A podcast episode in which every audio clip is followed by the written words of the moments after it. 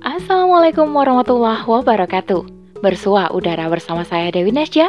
Kali ini di rubrik story dengan judul Istighfar, Jalan Terang Menantimu oleh Bunga Padi.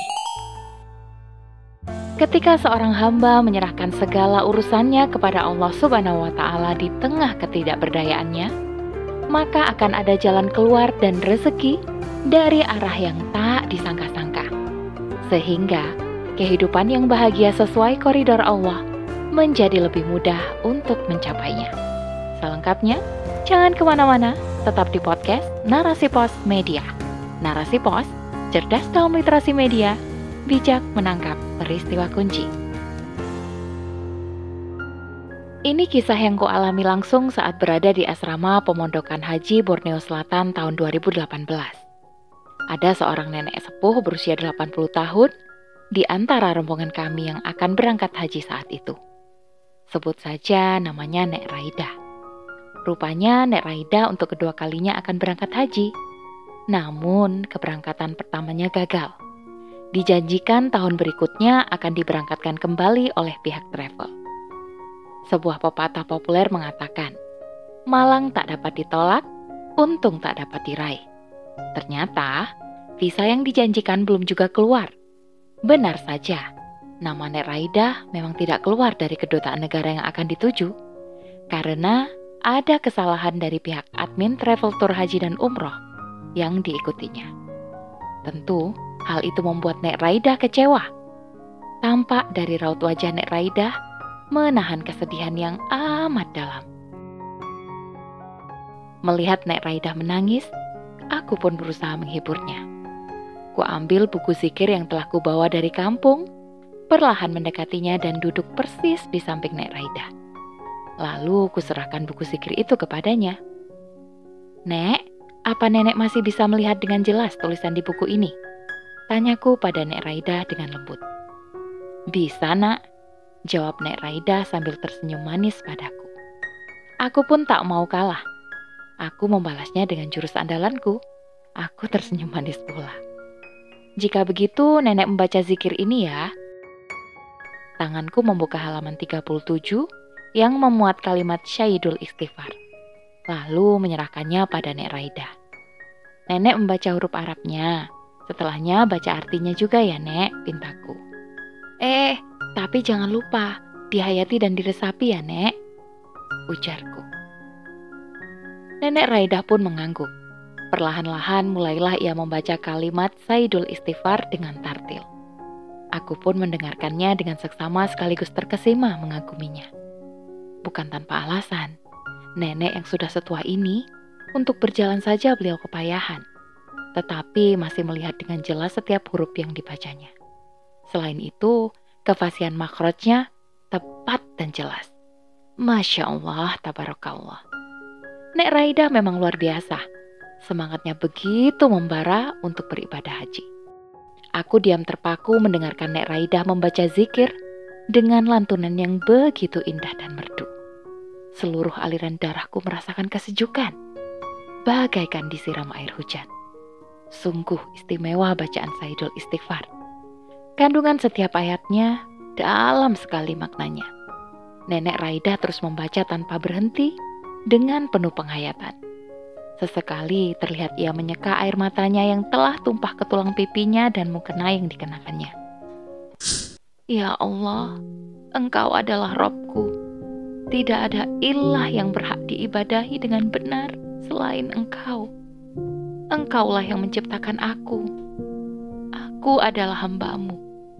Aku yakin dengan janjimu, dan aku akan setia pada perjanjianku denganmu semampuku. Aku berlindung kepadamu dari kejelekan yang kuperbuat. Aku mengakui nikmatmu yang diberikan kepadaku, dan aku mengakui dosaku. Oleh karena itu, ampunilah aku.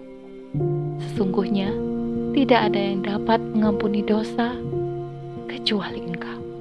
Hadis riwayat Al-Bukhari. Tiba-tiba Nek Raida diam sejenak merenung.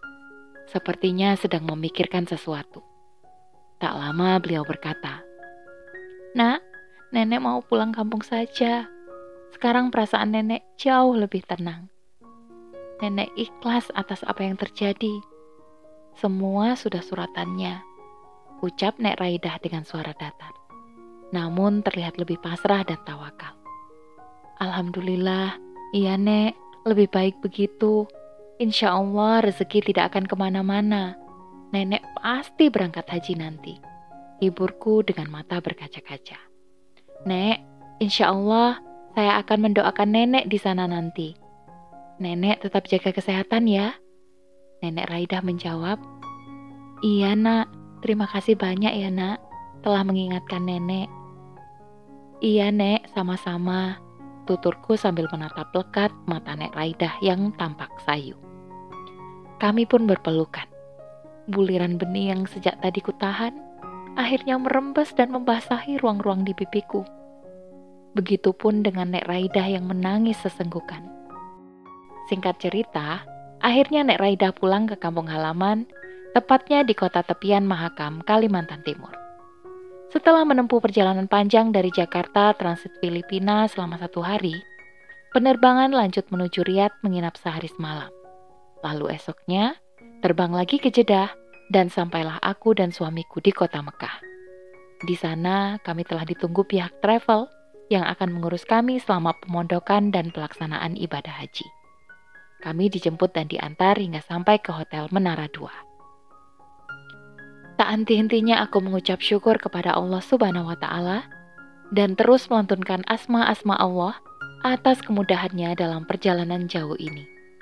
Ada perasaan bahagia bercampur haru membuncah di dadaku. Zikir terus ya nak, Pokoknya di mana pun berada, dalam keadaan apa pun, jangan pernah lepas zikirmu ya, ujar ibuku. Tiba-tiba ingatanku kembali ke rumah. Teringat saat-saat ibuku memberi pesan dan nasihat padaku. Di pagi dan cerah, saat kami duduk berdua, sambil menikmati pesut mahakam yang menyembulkan punggungnya, sambil menyemburkan air mancur ke permukaan sungai. Setelah beristirahat, mandi, dan makan, kami berdua bersiap-siap turun ke lobi hotel. Di sana telah menunggu Bu Haja Nova selaku pemilik travel haji yang kami ikuti. Di mana sebelumnya kami telah membuat kesepakatan untuk bertemu. Beliau menginginkan bertemu karena hendak mengetahui bagaimana keadaan kami selama di perjalanan. Alhamdulillah, semua berkat pertolongan Allah Subhanahu wa taala. Kami bisa menempuh perjalanan dengan lancar dan selamat Bu Haja Nova kataku. Bu Hajanova menjawab, Syukur Alhamdulillah. Jadi bisa sekalian menikmati beberapa negara ya Pak. Canda Bu Hajanova sambil tersenyum sumringah. Benar Bu, ini di luar dugaan kami. Tidak pernah membayangkan sebelumnya bisa singgah ke negeri orang. Dengan semangat, suamiku membeberkan pengalamannya singgah ke beberapa negara tersebut. Kini, giliranku yang berbicara. Tanpa kusadari, Sampailah aku menceritakan Nek Raidah yang gagal berangkat ke Tanah Suci bersama kami. Semua kronologis kejadian dari awal hingga akhir terluncur deras begitu saja dari bibirku.